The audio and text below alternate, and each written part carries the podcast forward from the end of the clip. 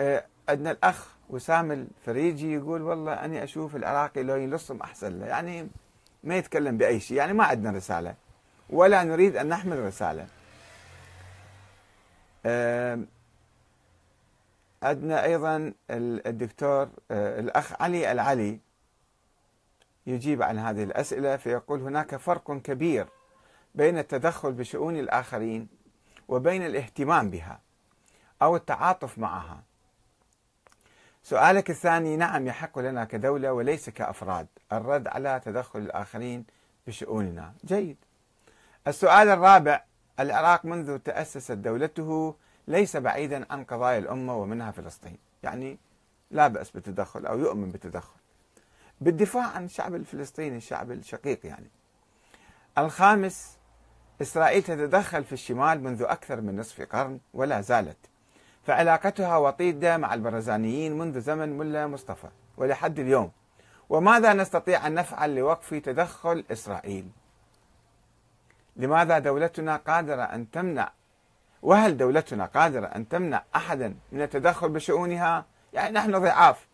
ولكن هل فكرنا ب يعني آه، بالرد برد الفعل أو لا؟ أو لا يحق لنا حتى التفكير بهذا الموضوع؟ كل دول الجوار تدعم أحزابا وكتلا وأفرادا ومؤسسات داخل العراق ودون أي استثناء.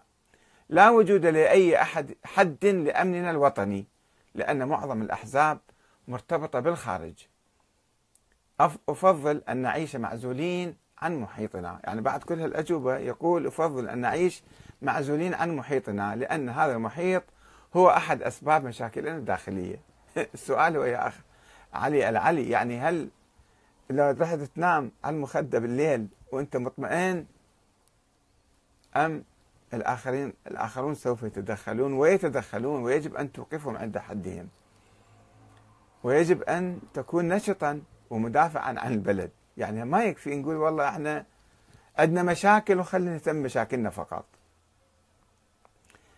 الأخ محمد رشيد يقول لابد من الاعتراف بأن الصراع السياسي داخل العراق ليس صراعا بين كتل وأحزاب وطنية بل هو وإلى حد كبير صورة من صور الصراعات الإقليمية والدولية.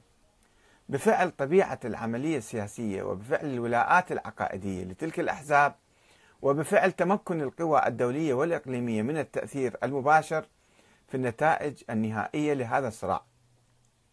والأهم من كل هذا غياب أو ضعف المشروع الوطني المؤثر من المشهد الفاعل لهذا الصراع. يعني إحنا سوينا في ضعفنا حاليا. ولكن حتى لو كنا ضعاف فهل نلقي الراية ولا نهتم حتى حتى نفسيا؟ يعني ما نهتم ب يعني الغريب أنه أحيانا أنشر خبر عن مثل ماذا تفعل الحكومة السعودية في القطيف في مدينة العوامية من قصف وبالصواريخ وبالمدافع وبالدبابات وتسحق منطقة كاملة. وتقتل ناس 35 واحد. وبحجج واهية. رغم إرادة الناس أهل المنطقة منطقة قديمة كانت هذه عمرها 300 400 سنة. بدل ما يحافظون عليه كتراث يحاولون يبيدون هذا التراث. يقول أنت شو خصك بالموضوع؟ وإحنا شو خصنا كعراقيين؟ خلينا نهتم بقضايانا. هل هذا منطق مقبول يعني؟ أم يجب أن فعلا يعني نكون يعني على الأقل اعلاميا إذا ما نتمكن ندعمهم ماديا ندعمهم اعلاميا وقفوا يا جماعة وقفوا. الآن في 14 واحد شاب خرجوا مظاهرة قبل ست سبع سنوات يطالبون بحقوقهم. فخلوهم بالسجون واليوم يريدون يحكموهم 14 واحد بالإعدام. يريدون يعدموهم حكموا عليهم بالإعدام. عشرة من حملة جائزة نوبل وجهوا رسالة إلى الحكومة السعودية وقفوا الإعدام لا الشباب شو شو ذنبهم؟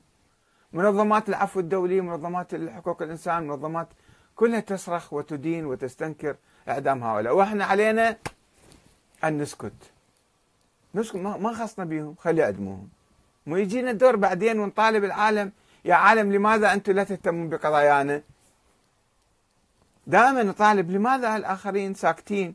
تحدث جرائم عندنا، تحدث تفجيرات، تحدث قتل، مذابح، والعالم ساكت، ليش ساكت العالم؟ دائما إحنا كعراقيين شوفوا السنوات الماضية. الآن العالم بلاد, بلاد مجاورة. أخوة أعزاء أصدقاء مسلمين مجاورين إنه يتعرضون لظلم وطغيان واستبداد وإرهاب. فيجب أن نسكت. حتى الحكومة العراقية يجب أن تتكلم. العلماء المراجع ساكتين. لماذا؟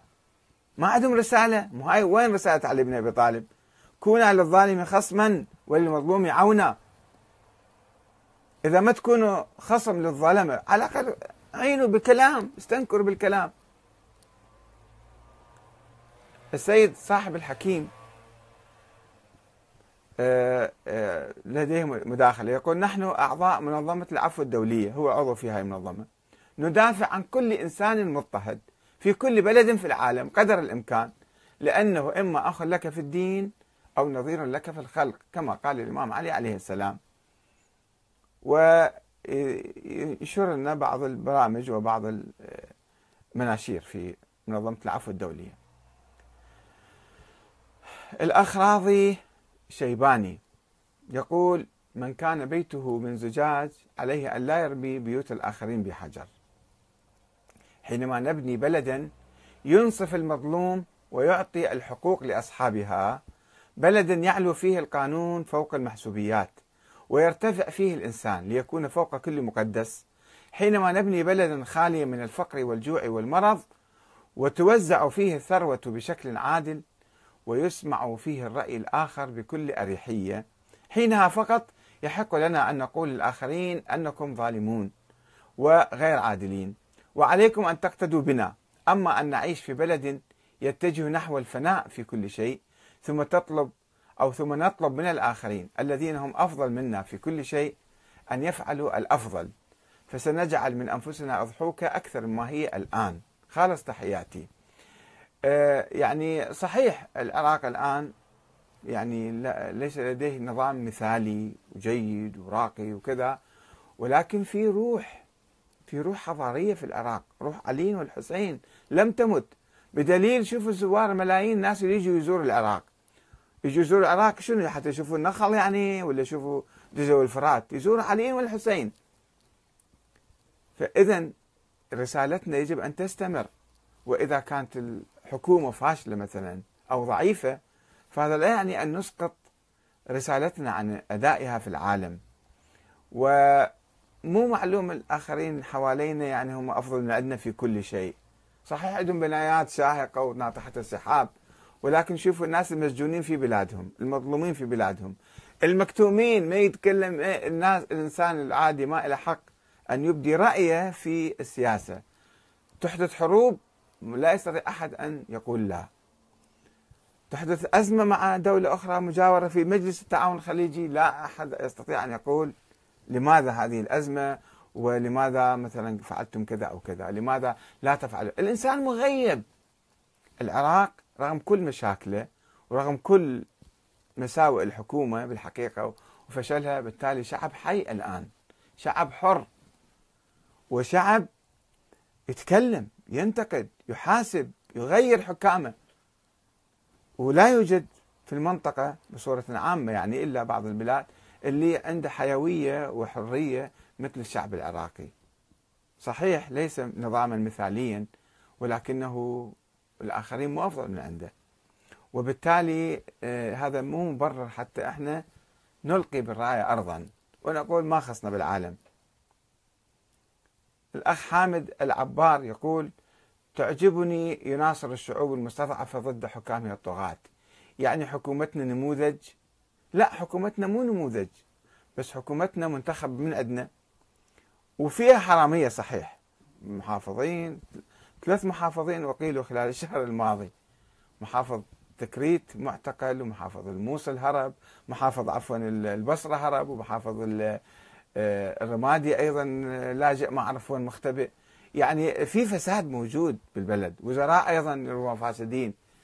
ولكن هذا ما يمنع أنه إحنا عندنا نظام ديمقراطي نسبيا والنظام أفضل من غيره. نغير الحكام. عندنا السنة القادمة انتخابات يجب أن نستعد لها بكل قوة ونغير الوجوه الفاسدة. نغير الأحزاب الفاسدة. هذا ما يمنع أنه إحنا الناصر الشعوب المستضعفة ضد حكامها الطغاة. والأخ يبدو متعجب أو يقول أدهشتنا يا شيخ يعني مستغرب متعجب ما أدري مستهزئ بالموضوع ما أعرف. إذا فلدينا قضية لدينا رسالة العراق عبر التاريخ حتى قبل الإسلام كانت له رسالة. كانت له رسالة وكان ما يعيش في هالحدود الضيقة اللي عنده. وإحنا ك يعني شعب يعيش في قلب العالم الإسلامي لديه رسالة لتحرير العالم لمناصرة المظلومين ومخاصمة الظالمين والمضطهدين والمحتلين والعدوانيين. والسلام عليكم ورحمة الله وبركاته.